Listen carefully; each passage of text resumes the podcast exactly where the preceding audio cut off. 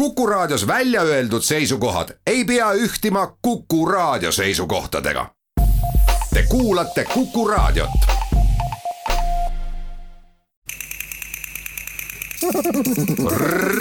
reisirada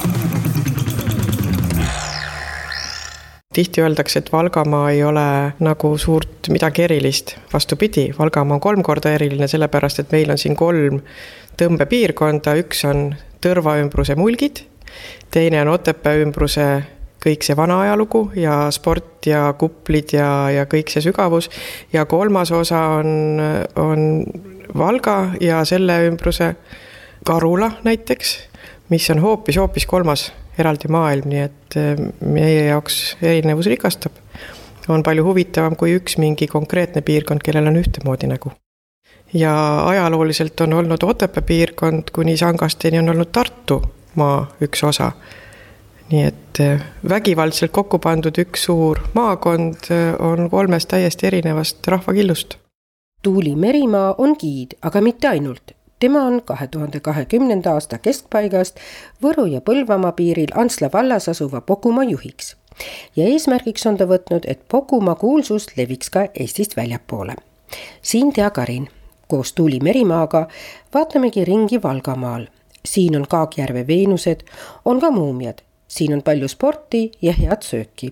seega tervitan teid saatesse Reisirada, uudistama Valgamaad oma imekauni looduse, järvede, kuplitega, mõisate ja kõrtsidega ja soojema kliimaga. sest mitte ilmaasjata ei ole Valgamaa Eesti lõunaväravaks. Valga, Valgamaa, siin leiab üllatava ajaloo. kaua peidetud tänaga raamatukaante vahele jõudnud Kaagjärve Veenustena algas aga lugu nii, räägib arst ja ajaloohuviline Tiit Meren. kui mina kaheksakümne teise aastal naise Valgamaalt võtsin, mis sest, et ta oli arstiteaduskonna tudeng, neiu Mari ja kui mina siis neiu Mari ühele meelele sain ja ka tema koju läksin, siis nagu ikka ajaloost ja vanast kultuurist huvitanud, huvitunud inimene, hakkasin ma küsima, et oi, vana talu millal see ehitatud on, nagu selgus, et see on nagu sõjakeerises ehitatud ja loomulikult oli sellel talul veel ka lakk olemas. Ja lakas oli tohutult palju viidud igasuguseid vanu eh, Saksa okupatsiooni aeg tehtud mööbliesemeid ja nõusid ja raamatuid ja pilte. Ja minule need alati niisugused asjad võtavad jalad nõrgaks ja ma loomulikult ämma käest küsisin, et kas ma võiksin seal vähe selles kultuurikihis ringi ekselda. Ja reisisingi seal nii-öelda pööningul ja äkki sattusin mingite klaasplaatide peale ja loomulikult viisakalt jälle küsisin ämma käest, et mis asjad need on. ja ämma ütles, ämm ütles, et vaata, et, et tema isa oli, peale selle, et oli omal ajal legendaarne kooliõpetaja, aga et tal oli selline kiiks, et ta tegi pilte õudselt palju. ja ta tegi pilte, et küll koolilastest ja koolielust, aga kuna ta oli ka usklik inimene ja kirikuga väga heades ja lähedastes sidemetes, siis üllatus-üllatus, tolle aja kooliõpetajale oli antud ka volitus kiriku poolt, et ta võis ristseid korraldada, isegi matuseid korraldada ja, ja selle tõttu, kuna ta neid asju võis korraldada, tegi ta alati pilte. ja, ja kui mina võtsin sealt kastist põhuhunnikute alt klaasplaate, need olid siis klaasnegatiivid ja tõstsin valguse kätte, siis vaatasin, et jessas, seal on küll kooliõpilasi, küll laste matuseid, küll pidusid ja minul ees hakkas rulluma üks niisugune noh, kultuurifilm ja ma ütlesin ämmale, et kuule, et, et need tunduvad mulle küll nii väärtuslikud fotod, et mis sa nendega teha oled planeerinud. ämm ütles, et nõukaajal siis, kui noh, seal oli ka palju Kaitseliidu pilte tehtud, et nad olid perega siis äh, Stalini ajal osad pildid, osad klaasplaadid ära hävitanud, sest kui tolleajaline ideoloogia oleks neid pilte näinud, siis oleks kohe saanud prii turismireisi kakskümmend viis pluss viis Siberisse. et ta ütles, et noh, nõukaajal kurja silma eest suutis Sam need pildid kõik peidus hoida aga et noh, seal on, et noh, neid võiks ju siis lastele ja lastelastele näidata ja mulle tundus, et ei, see ei lähe küll mitte, et seal on selline kultuurilugu peidus. ja ma hakkasin siis ämmale äh, malbelt peale käima, et kuule, et äkki ei jätaks neid asju ainult nagu perekonnaseltsi, et aga äkki võin ma võtta need ja puhastada ja nagu nii-öelda noh, taastada, renoveerida, mis seal oli vaja teha ja et kuna ajastu oli juba ka selline, et sai neid digitaliseerida. ja ämm pika pealekäimise peale ütles, et ega sa vist tõesti oled ainukene nii-öelda hull, kellele need korda lähevad. ja nii sattusidki pildid kaante vahele raamatusse Kaagjärve Veenus, lugu kadunud maailmadest, varandusest põhuhunnikus, kunstipüüdlustest kitsastes oludes ning inimlikust mäletamisest kõige ja kõigi kiuste nii on kirjas Argo kirjastuse välja antud kaunis raamatus. Karl Lukin ja Johannes Lukin oma fotodes on nad meile säilitanud imelise aja, kuigi mulle ikka tundub, et noorem põlvkond vaatab nagu horisondile tulevikku, ütleb, et ainult tulevik on see, mis neile korda läheb, et kõik vana, see on mõttetu ja puha.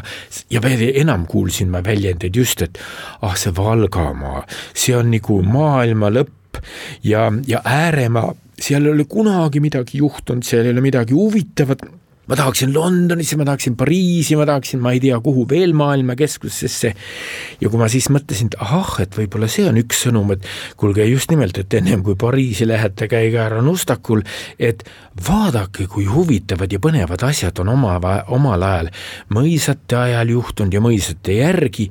ja no vot, sealt hakkasin siis nüüd kätrama neid sõnumeid, mida ehk tänasele päeva nagu kultuurihuvilisele inimesele tuua ja, ja vot nii see läks seal on nii rännumehe geenidega Karl Lukini fotod kui koolmeistri suure algustähega piltidel jutustatud lood, kes oma aega jäädvustas surmast ei taha keegi rääkida, siis ütlevad fuih-fuih, et matusebüroo hoolitseb selle eest, isegi kui mul lähedane ära sureb, ma lihtsalt arstina oskan sel teemal nagu rohkem rääkida. et inimesed ütlevad ei, ei, las ta viiakse lahangukambrisse, sealt matusebüroo viib ära ja ma ei taha matusel ka kirstu lahti teha ja puha. et surmast ja matusekommetest ei taheta rääkida. aga vot vabandage, seksist ja, ja kui tahate, siis pornost, seal antud juhul ei ole tegemist midagi pornograafiaga see on puhas äh, aktifotograafia. et vaat see on alati ja muidugi inimesi tekitab siis põnevat huvi, et kes olid need, need modellid, kes seal mm, modelleerisid ja keegi on isegi öeldud, ah, loomulikult oli niisuguseid ähm, lõdva elukombega tüdrukuid, kes kindlasti fotograafi härrale ja õpetaja härrale peale käisid, et oi, ma võtan lahti ja tee minust ka alasti pilte mitte midagi taolist.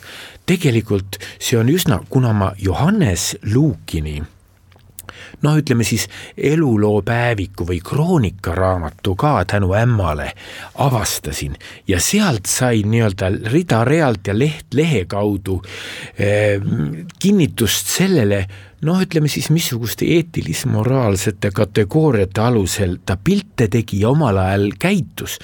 et et, et mitte midagi taoliselt, pigem oli, pigem on imetletav see, kuidas fotograaf oma modelli pidi, ütleme siis, ümber rääkima. et miks ta seda fotot teeb, ega tol ajal tõesti naine talust väga lahedal meelel ei võtnud ennast alasti ja lasknud ennast pildistada, fotograaf pidi modellile siiski ära rääkima ja jätma sellise usaldusliku mulje ja kui siis vaadata neid naisakte, keegi ei ole hirmunud ega heidutatud näoga. kõik on tegelikult noh, kui nii lubate iseloomustada, sisemiselt veendunud, et aga minu naiselik keha ongi ilus ja seda, seda vääribki eksponeerida ja selles on oma ilu, ilukategooriad ja puhad. kui te küsite nüüd, et, et osad olid hoopis tumedavärvilised modellid ja igasuguste nii-öelda huvitavate käevõrude ja metallist kaelavõrudega, see teine vend, Karl Lukin, vanem vend, kes Aafrikas missionärina käis, ega Aafrikas oli ju sama asi, et noh, pigem võib-olla siis ütleme, et Aafrikas ei olnud see mingi imeasi, et võib-olla mehed ja naised suhteliselt väheselt riietatult üldse igapäevaselt ringi, ringi käisid.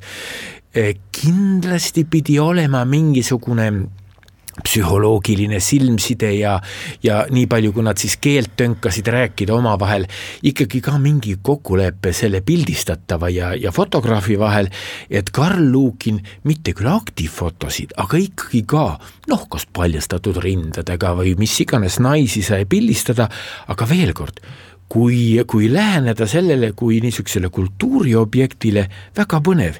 tol ajal see ei ole mitte võõras tumedanahaline inimene, võib-olla väheselt riietatud, tegelikult kehakeele näoilme järgi võib välja lugeda nii mõnedki, eeskätt just naisedki, ilma et nad oleksid ülikooliharidust saanud, mis kõlab ju anekdootlikult tolle aja kohta ja, ja sügaval Aafrikas, aga et kuivõrd nagu sisemise kõrgema arengutasemega nad olid, sest kuidas nad oma kehakeelt oskasid eksponeerida ja näidata koos selle riietusega, et noh, selle peale on olnud ju, öelnud ju Eesti filmitegijad ja teatriinimesed, et vaata, kui põnev, me saame autentset tolle aja riietust, natukene ka juba kehakeelt ja inimeste käitumismustrit lugeda, et kui me näitemängu teeme või, või filmi teeme, noh, Sulev Keedus, kes tegi Georgika filmi, on puhtalt äh, Karl Lukini missionikäigu pilt ette näinud. Ja sealt eh, niisugust eh, noh, Pegasus on kabjaga teda tabanud ja, ja sellest teinud oma Georgika, milles on ka palju sugemeid Karl Lukini missioni käigust, et vaadake tegelikult, kui põnevaid eh, lugusid saab kokku panna esialgu pildiraamidelt, mis võib-olla võõrast inimest nagu ei kõneta Kaagjärve mõisa teise korruse tubades võib Pisentel näha mõningaid Johannes Lukini tehtud fotosid tollasest Kaagjärvest, maainimestest ja veidike ka mõisainimestest. müts maha, ütleb Tiit Meren nende inimeste eest, kes leiavad julgust ja kapitali kunagise miljöö taastamiseks. ei hakka küprokiga vooderdama von Grote mõisniku suvemõis on seega väga heades kätes. ühendatud on vana arhitektuur ja kunagine koolimaja ja säilinud on pildid ka sellest, mida enam ei ole, tänu tollastele fotograafidele küll on hea, et ka Johannes Lukin peale maainimeste on teinud ka mõisatest pilte, et ikkagi, kui muidu Eesti inimesel tundub, et oi, sajandeid on need mõisaäärberid olnud, need mõisaäärberid saidki. Üheksateistkümnenda sajandi lõpus alles kobestati ja restaureeriti ja, ja tehti uhkeks, et, et need olidki suhteliselt vähe aega püsti, aga et küll on hea, et meil on vähemalt ikkagi mälestus sellistest uhketest asjadest ja jällegi, mitte ainult, et öeldakse, et ah, need neetud Balti baltisakslased ei puha. ega see baltisakslaste ja kohalike eestlaste koostoimimine ja kooselamine, noh, mõnedele käib jälle närvidele, kui öelda, et eestlastel ja sakslastel on kuus sajandit ühist ajalugu aga tegelikult nii see on. ja kui hakata siis arheoloogidest, sõprade ja ajaloolastest sõprade abil loomulikult olema sellesse teemasse nagu sisse kaevanud ja uurinud seda, siis selgub, et see ei ole olnud nii mustvalge, et ah, eestlane on mingi uri olnud kogu aeg ja varastab kogu aeg mõisa tagant, vastupidi jah, mõisates teenimise ja töötamise tõttu said kohalikud eestlased eeskätt naiste kaudu, kes olid virtinad ja muus positsioonis mõisates, said nii palju niisugust kultuuritoitu järjekordselt, sest ega meil ennem tuhat kahtesadat aastat olid oma kuningriigid ja kuningad samamoodi. ja, ja noh, see on meil veel avastamata maailm, et mismoodi me siis oma asju nii-öelda Eestimaal ajasime. aga mõisate aru, all abil kindlasti eestlased eestlased tõusid kultuuriliselt jälle oma identiteedi peale ja et, et, et see on koolitanud väga paljusid, eeskätt naisi ja mehi, kes tol ajal mõisates töötas ja et, et paljud, isegi üllatus-üllatus, selle raamatu tõttu on mulle paljud noh, ütleme siis tuntud etnograafid ja helist minu jaoks tundmatud inimesed öelnud, et kuule, Tiit, et küll on tore, et sa sellest raamatust kirjutad ja et sa ka hiljem räägid et see eestlase ja baltisakslase vahekord ei olnud nii väga mustvalge. jah, sakslased oleksid võinud palju targemalt ja meid palju rohkem kaasa haarata sellesse elusse ja oleks, oleks kindlasti võib-olla Eesti ja mis iganes Saksa noh, võib-olla siis koostegevus palju, palju värvikam ja kultuursem olnud, aga igal juhul kindlasti oleme me sakslaste abil saanud oma niisuguse identiteetse aluse tagasi ja ikkagi tänasel päevalgi ju küsitakse Euroopas ka, et kuulge, te olete alles Nõukogude Liidust lahti saanud aga te ei olegi nagu, vabandust, alles puu otsast alla tulnud ahvid. et ja siis ma, mina näiteks suhteliselt palju rahvusvahelises militaarses ringkonnas liigun, siis öelnud, et aga vaadake, et meil on seda kultuuripõhja ja sakslastega mitut sajandit ja ühist tausta. ja kui nad saavad, et aru, et eestlased tõesti ilmuvad eurooplaste ja muude eurooplaste sekka ja räägivad ja analüüsivad ja annavad nõu ja on vaata et nagu võrdsed partnerid tänaselgi erinevate läbirääkimiste laudade taga, noh, siis mulle on tõesti eriti britid öelnud, et vaat Tiit, et me vist tõesti saame aru, et teil tõesti on üks niisugune taust, et et meil ei ole küll Briti impeeriumit, on, meil on teatud mõttes Saksa keisririigi mõju olnud, aga ma alati naeratan ja öeldan, et ütlen, et noh, et brittidele eriti, et see the bright side of life, et näed seda kõige paremat poolt, et me kindlasti oleme võtnud need paremad õppetunnid sakslastega koos olemisest. Ja et, et näed, meie see kultuuri identiteet on siiski tekkinud nii tugevale alusele, et kui meid täna öeldakse, et noh, et oi, et mis keel ja mis kultuur ja mis kirjandus ja me võime igal pool öelda, et jah, võib-olla, et me oleme selle taasiseseisvumise kõige muuga nagu taastanud, aga kõik küsijad ja võõrsilt tulevad küsijad saavad aru, et paganamas, et nende inimeste juured vist tõesti on sügavamal kui ainult üheksateistkümnes või nii-öelda kaheksateistkümnes sajand. reisirada Kaagjärve Veenused ühes paigas, fotod Eesti maanaistest, taluinimestest.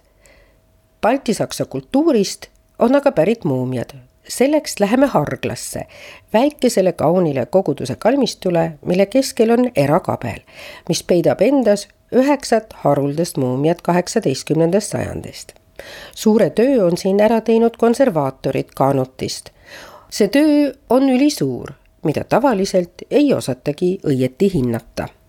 Heige Peets, sihtasutus Eesti Vabaõhumuuseum konserveerimis, digiteerimiskeskus Kanuti eseme konserveerimisosakonna juhataja temal on olnud võimalus tuhande üheksasaja üheksakümne kaheksandast aastast kõikide etappide juures olla.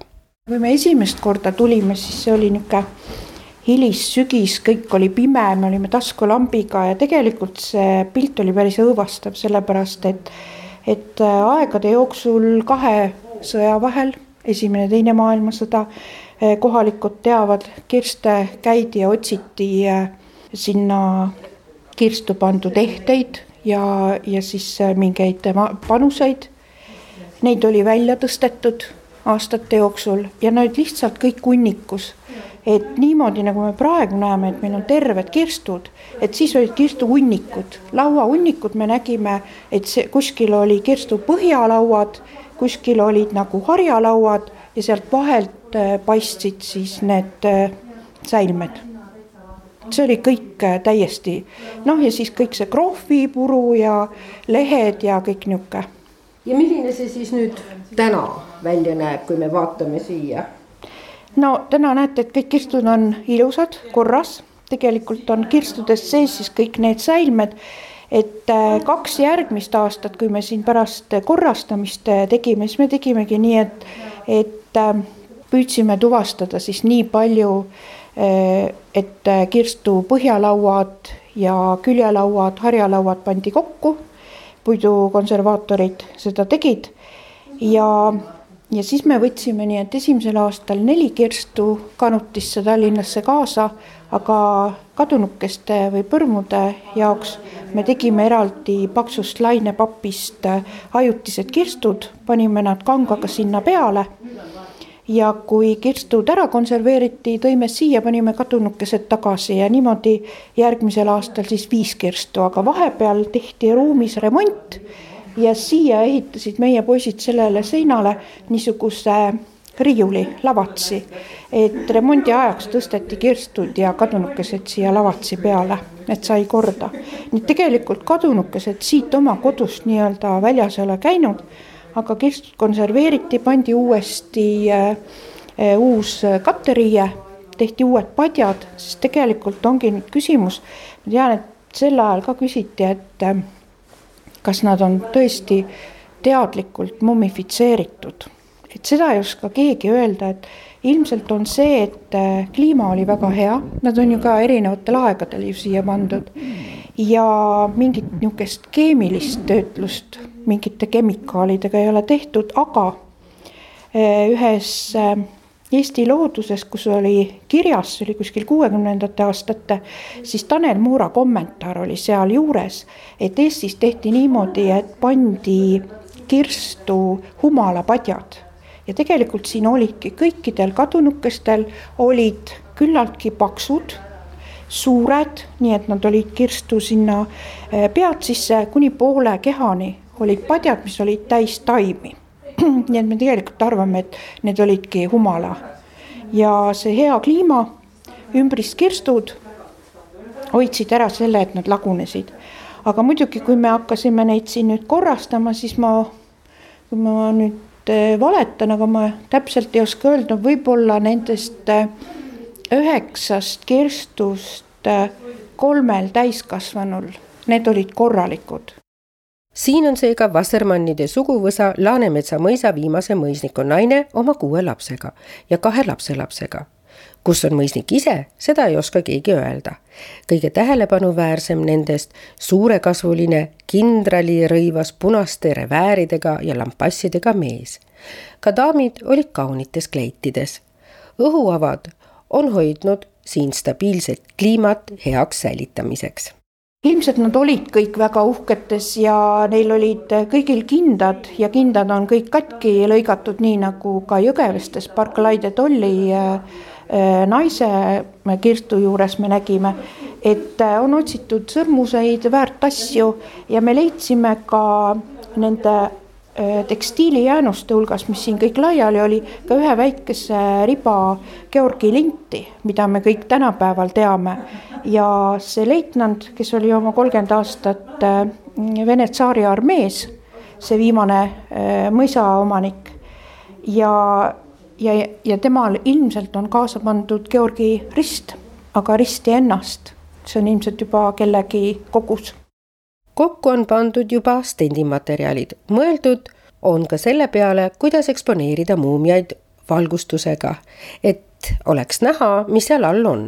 Sest praegu ei ole isegi Hargla enda elanikud muumiaid ligemale kolmkümmend aastat näinud. ülemisel korrusel on ka metall, pärjad tammelehtede ja stantsitud õitega, polükroomsed, sageli ka portsellanõitega kui nüüd need kõik ära puhastada, siis võib mõelda, et oi, nad on nii korrodeerunud ja nii kored, koledad äh, pruuni oksiidiga kaetud, aga nad lähevad puhtaks ja me anname talle uuesti vormi, sest praegu ta on niimoodi muljunud ja tegelikult nad on väga ilusad. ja mida meie esimest korda näeme, on vot see kõrval olev pärg, et seda me näeme küll esimest korda, et pärjal on olemas juba oma alus see ei ole lihtsalt niisama juhuslik tahvel, vaid seal on näha selle lõikejoone järgi, et see on tehtud ikkagi nagu spetsiaalselt, et sellega on ta pandud seina peale, mis on muuseas mm, kirikus väga nutikas, sest kiriku seinad ju ikkagi äh, äh, seal on niiskus, vahel kondentsvesi ja tegelikult see äh, tahvel hoiab ära selle, et metall niiskusega kokku puutub ja korrodeerub. et see on väga nutikalt välja mõeldud, aga jah mina ei ole enne näinud niisugust oleme Nuustaku rantšos, mis asub viie minuti autosõidu kaugusel Otepää kesklinnast Rõngu-Pärnu suunal Pedajamäe külas. Priit Viks ise sportlasena ilma liikumiseta ei saa ja ei taha ka, ütleb ta, sest süda kuulub siiani laskesuusatamisele. seda kogemust, mis me siin eh, abikaasaga üle, üle kümne aasta vältel, mil me Eesti koondise laskesuusatamises kuulusime, omandasime, et seda üritame siis teistele edasi anda, et et jah, erialaks on olnud äh, laskesuusatamine, nii et nii et ma arvan, võib-olla põnevate, põnevamate teenustena ongi võimalik meie, meie juures laskesuusatamist reaalselt proovida ja, ja, ja suvel siis loomulikult laskejooksu või siin lihtsalt laskmist, sportlaskmist, et, et see on meie, meie pädevus number üks, jah.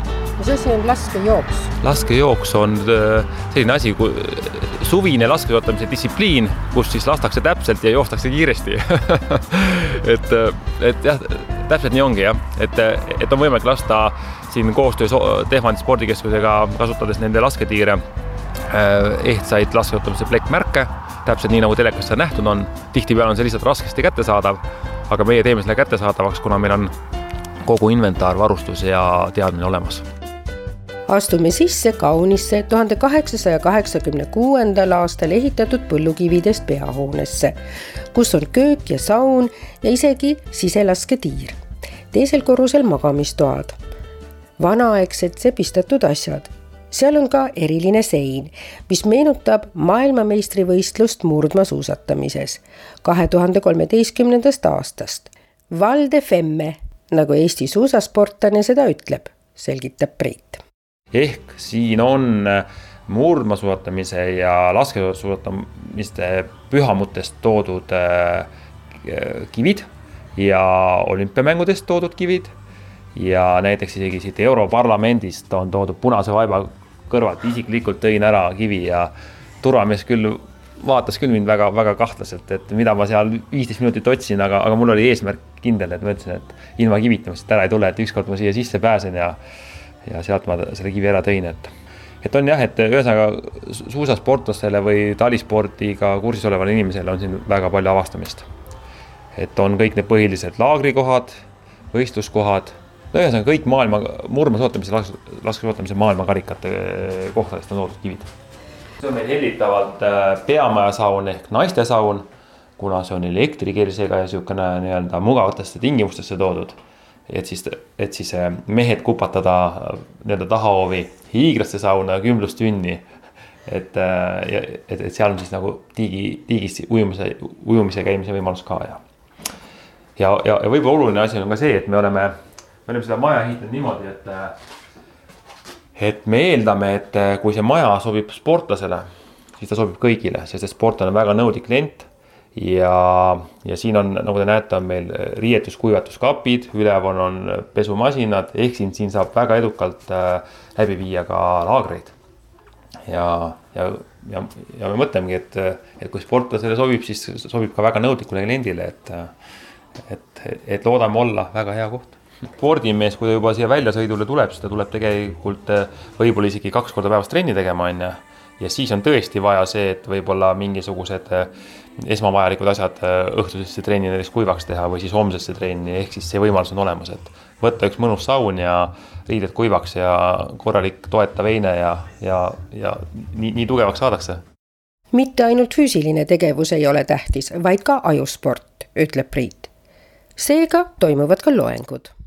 nagu me teame, mõlemad musklid peavad olema võrdselt tasakaalus et äh, see, mis on äh, särgi all ja see, mis on üleval kupli all, et, et et soovitavalt võiks nad olla tasakaalus. ja ma naljaga pooleks ütlen, et me oleme Otepää ainukene, talvisel ajal ainukene äh, avatud äh, muruväljak, mis siis, et kunstmuruväljak, aga, aga, aga noh, muruväljak siiski. et proovi mängida. palun siis reegleid ka natuke selgitada. kuhu me peame tulema? tulge siia, siia, siia, siia peale et äh, reeglid on äh, nüüd on, nüüd on mul pea täitsa sassis, sest et reeglid on täitsa, täitsa nüüd enneolematud, ma unustasin giid maha. Äh, järelikult me peame kasutama jalgu selleks. nii et ma arvan, et me, me saame hakkama, onju. tegelikult see ongi taotluslik.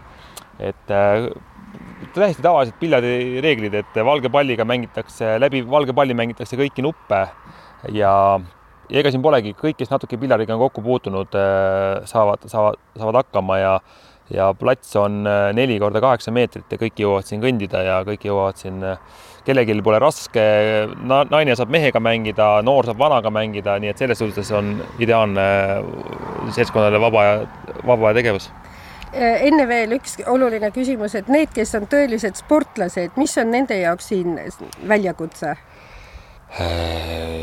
meil on matkad meil on Tehvandi matkad, õpetame, ühesõnaga tutvustame Tehvandi spordikeskust ja, ja spordiradasid ja spordirajatisi. ja seda läbi reaalse liik liikumise. nii suvel näiteks käimiskeppidega kui ka vajadusel jooksul, jooksult, kui ka tegelikult meil on rullsuusaõpe ja talvisel ajal on meil suusaõpe, et, et õpetame reaalset tehnikat ja, ja, ja väga nõudlikule või, või, või isegi kes nagu rohkem tahab teada köögi poolest, siis lausa määrimist, määrimist, kuidas suusad libedaks teha, tehakse ja kuidas siis nii-öelda kiirelt suusatada. ja ja tegelikult meil on siinsamas Metsatukk kiriku külas, kus me käime seltskondadega orienteerumas, et teeme otseses mõttes äh, nii-öelda orienteerumise algõpetuse, et seda siis annab Eveli Saue, kaks tuhat kolm aasta juunioride maailmameistrivõistluse pronksmedali võitja. Nii et äh,, nii et keegi ei saa vaielda, et ta ei oska orienteeruda või ta, või ta ei tea, millest ta räägib, teab, väga hästi teab. ja et äh, näiteks teeme algõppe kohe niisuguse väikse loengu vormis, nelikümmend viis minutit, et teeme selle sigri-migri selgeks ja saadame praktiliselt metsa. ja pärast siis äh, tagasi tulles on liikumistööde analüüs ka. ehk siis neid, äh, neid, võimalusi on palju-palju-palju, et, et jah. Meie jõuame vahepeal discgolfi juurde ja hakkame viskama ja see õnnestub hästi. miks see nii on, seda teab Priit.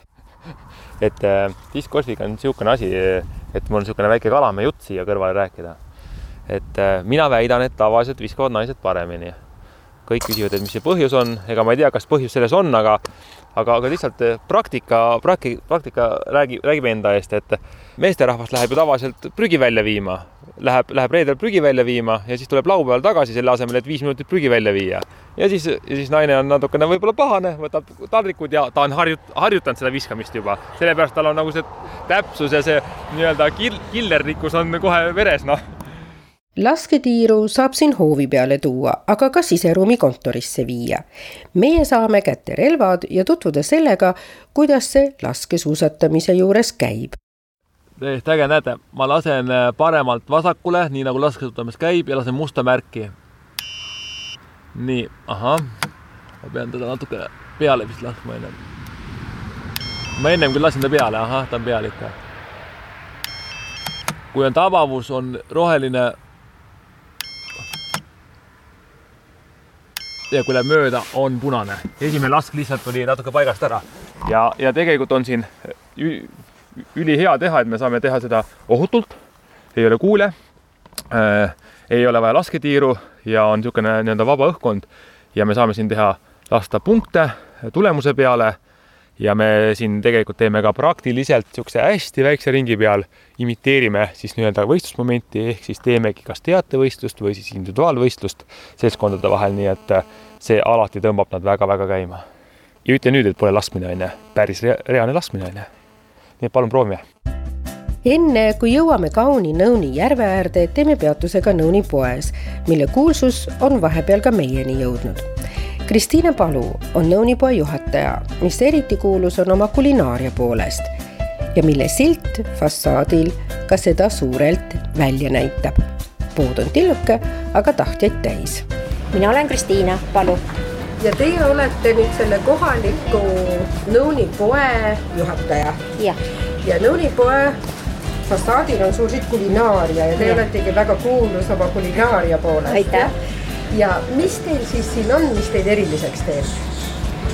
südamega tehtud maitsev toit. Ähm, no me ise teeme karaskit koha peal, seal on siis äh, meie oma kodutalu küüslauk kuivatatud sees. Igasugu muid asju on ka väga palju põnevaid, aga see on just see, mis on meil ta eriliseks teeb. siis kõik saiad me küpsetame ise, koogid me teeme kõik ise. kõik äh, salatid, soojad toidud, noh, nii nagu koduköögis sööb ja see tähendab, et teil on hästi palju kliente, kuulsin ma ka no alati võib veel rohkem olla aga ei, me ei saa kurta, meil on väga toredad kliendid. ja ei äh,, teil on see e-pood ka? ei, meil seda veel ei ole kahjuks. Aga kavas on ehm,? no me üritame, aga kuna meil on hetkel nii vähe ruumi, meil on plaan laienema hakata kunagi, kui me vähegi nagu jõud üle käib ja aega saame, siis me hakkame natuke laienema, sest me ega me väga rohkemat ei ole suutelised, sest meil on kitsikus jah, et selles suhtes me nagu väga, aga tulevikus kindlasti. aga kas vald aitab teil näiteks leida uued ruumid, suuremad või midagi? ei, me siinsamas ise teeme suuremaks, meil on plaanid juba paigas. Ja kus te ise olete siis kogu seda toidu tegemist õppinud? ema üsaga kaasa antud Tartu Otepää tee peal Nõunis asubki külapood, kus pakutakse kohapeal valminud maitsvat toitu. nagu Kristiina ema retsepti järgi marineeritud kala või toska kooki. selle kõrval hitina peseirull talutoodete valik on samuti lai, lisandunud on tervisliku ja teadliku kohaliku tooraine valikusse Grupitalu meesinep ja Kaspritalu ebagütoonia tooted. kui tuled põlevad, astu sisse, nii on külapoe kutse Facebookis. muuseas, kui Elva Tarbijate Ühistu sulges Nõuni poe, sest kliente oli liiga vähe, siis Kaimo Tamm ja Kristiina Palu missioonitunne lasi ellu kutsuda uue poe, mis üks regiooni tõmbenumbritest ja ees seisab laienemine.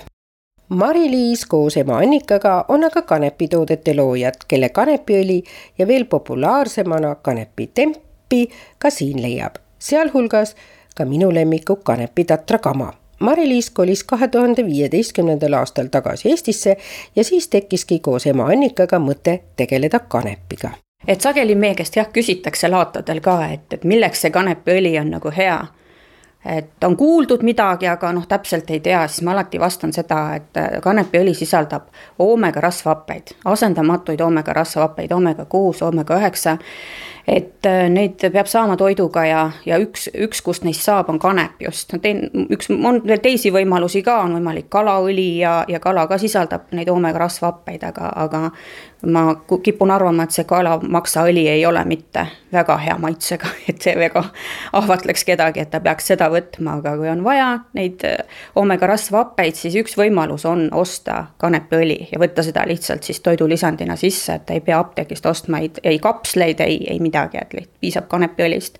nii et see teeb ta eriti väärtuslikuks, just need oomega rasvhapped. kindlasti on see, et kanepis on ka hästi palju valku, mis on nüüd nagu ka veganitele ja need, kes tahavad mitte kala ja liha süüa, et siis sealt kanepist saab siis selle valgu koguse ära.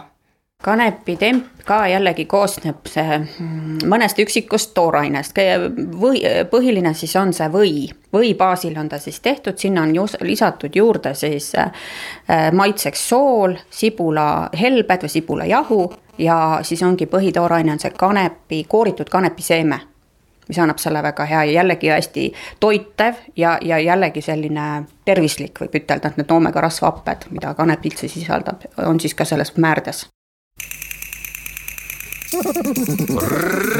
reisirada. spordi juurde jääme ka Nõuni imekauni järve ääres, kus Elmo Saul ja Aile Viks on siinse aktiivse tegevuse hingedeks. siit paadikuuri äärest alustame vestlust. meie siis oleme Elmoga seotud selliselt, et oleme endised naabrid.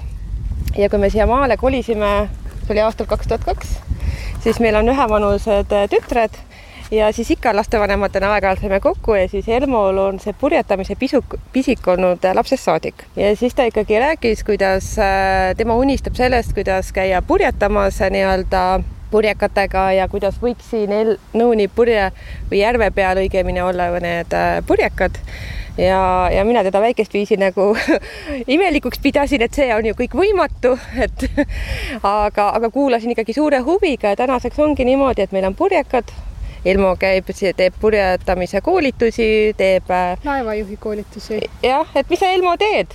et tegelikkuses sa ju tänaseks purjetadki mööda ookeaneid ja see ongi tema igapäevane töö ehk et tegelikkuses see, et ma pidasin seda võimatuks, on tema tänane reaalsus see on nagu väga vahva jah, sest et kõik ütlesid seda, et, et, et sa võiks korralikul tööle ka minna kunagi. ma mõtlesin, et mul pole nii palju raha, et tööl käia, purjetamiseks on aega vaja. aga mõnikord saab hobist töö niimoodi, et äh, purjetamisega on võimalik täitsa leib lauale saada, et et sellised jah, koolitustripid, mis toimuvad nagu Kanaaridel või, või, või Horvaatias ja ja pikemaid ja lühemaid ookeanisõite, aga Kodujärvel täpselt samamoodi. kuigi Kodujärvel see laste treenimine on see on puhas hobi, et aga noh, ma tean, et siit on mitmed täiskasvanud inspiratsiooni saanud, Aile, aga siin on ka, ma tean veel päris mitu Nõuni inimest omale suisa mere äärde purjelaevad ostnud. jaa, kusjuures see on täiesti õige, et tänaseks on äh, tean ühte inimest, kes on tõesti Pärnusse ostnud endale purjelaeva. kaks on neid. isegi kaks mm -hmm. ja just, et, et uskumatu, kui see ka ei ole, et Lõuna-Eesti inimesed siis on merel. E, jah, et selle Nõuni purjeklubi moto kunagi oligi olla väravaks Lõuna-Eesti inimesele merele. ja noh, tegelikult on see toimima hakanud, aga, aga kindlasti oleme teinud seda üksi, eks ole, et äh, ilma ei PRIA liidri abita ja ilma valla toeta poleks siin suht, suht juhtunud midagi, sest et vald on andnud äh, kogu see kompleksi meile siin kasutada ja arendada ja rasketel aegadel toetanud ka äh, rahadega, nii et praegu meil ikkagi äh, regulaarsed treeningud äh, toimuvad just tänu vallale, sest et sealt tuleb selline palgafond treeneri jaoks liigume järve äärt mööda veidi edasi Aile poole. Nõunijärve need kallas, et tegelikult põhimõtteliselt kõik on eh, eravaldus ja tegelikult on see ka looduskaitseala et need majad, mis siia omal ajal ehitasid, et tänapäeval lubasid ei anta nii lähedale järvele ehitada. ja kuna see on niivõrd ilus koht ja see järv on ka täpselt ideaalse suurusega ja paik rahulik, et siis nüüd lähevad need majad ikkagi põlvest põlve edasi, et eh, meie oleme ka siin äh, saanud teist põlve ja siis äh, Elmo on ka siin üles kasvanud, et me siin kõik järjest kasvame ja et äh, on niisugune väga väärtuslik paik. nii et lootust, et keegi siia uuena tuleb, ega väga palju ei ole? väga harva juhtub seda, aga pigem nagu mitte, jah. Ailele meeldivad ka purjelauad. miks, seda ta ei tea aga kui tal juba üks purjelauakomplekt oli, hakkas asi arenema. nüüd on olemas ka maja, kus, kui jahedate ilmadega saab saunas end soojendada ja need, kes ise järvele ei lähe, saavad siin ka kaaslast oodata ja vaadata järvele, mis Ailile meenutab seenekuju. koolituste eripära ongi see, et kui meres on siis põhi all, siis meie läheme kohe sügavasse vette, eks ole, ja selleks, et ma saaksin juhendada ja ja olla olemas, siis ma olen ise paadiga nii-öelda kõrvale, et siin on natuke sellised eripärad.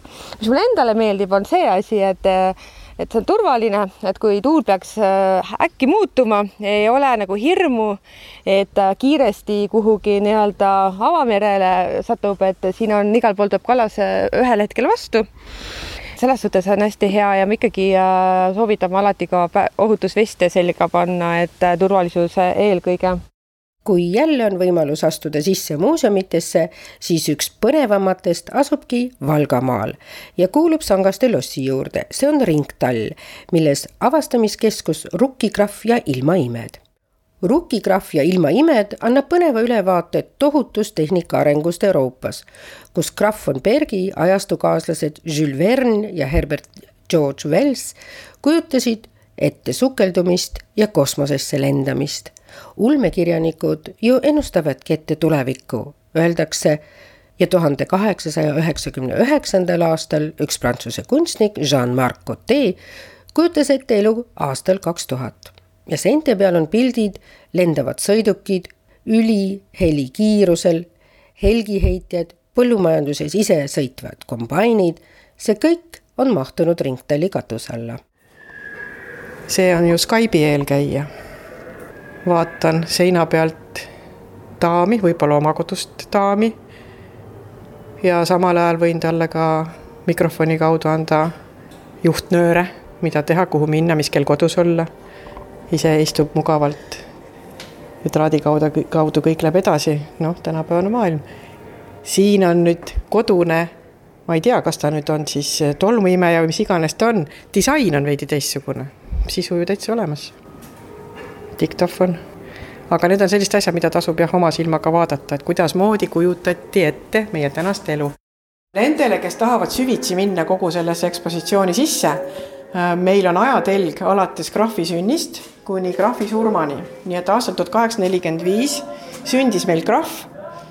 maailmas tehakse aurulaev Great Britain ületab esimest korda Atlandi ookeani ja Eestis hakkab järgmisel aastal, kui ta aastaseks saab, on taastatakse Niguliste kirikut, arhitekt Hippius teeb orelirõdu joonised. miks meil see sees on? sellepärast, et arhitekt Hippius on ka Sangaste lossi ja lossikompleksi äh, arhitekt.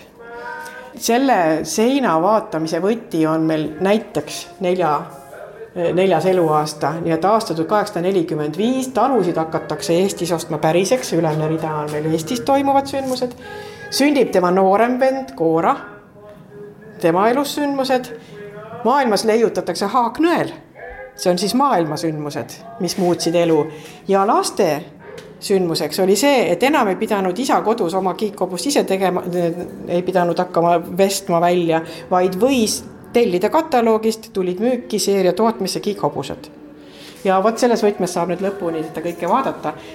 Tähtis minu jaoks on see, et, et siin on Singeri masina prototüüp, enne seda käisid daamid viiekihilises riietuses minimaalselt, alla selle oli inetu, mitte need kombineed, mis meil seljas on praegu siin sellised õhukesed, vaid vähemalt viis kihti ja seda kõike õmmeldi ju käsitsi.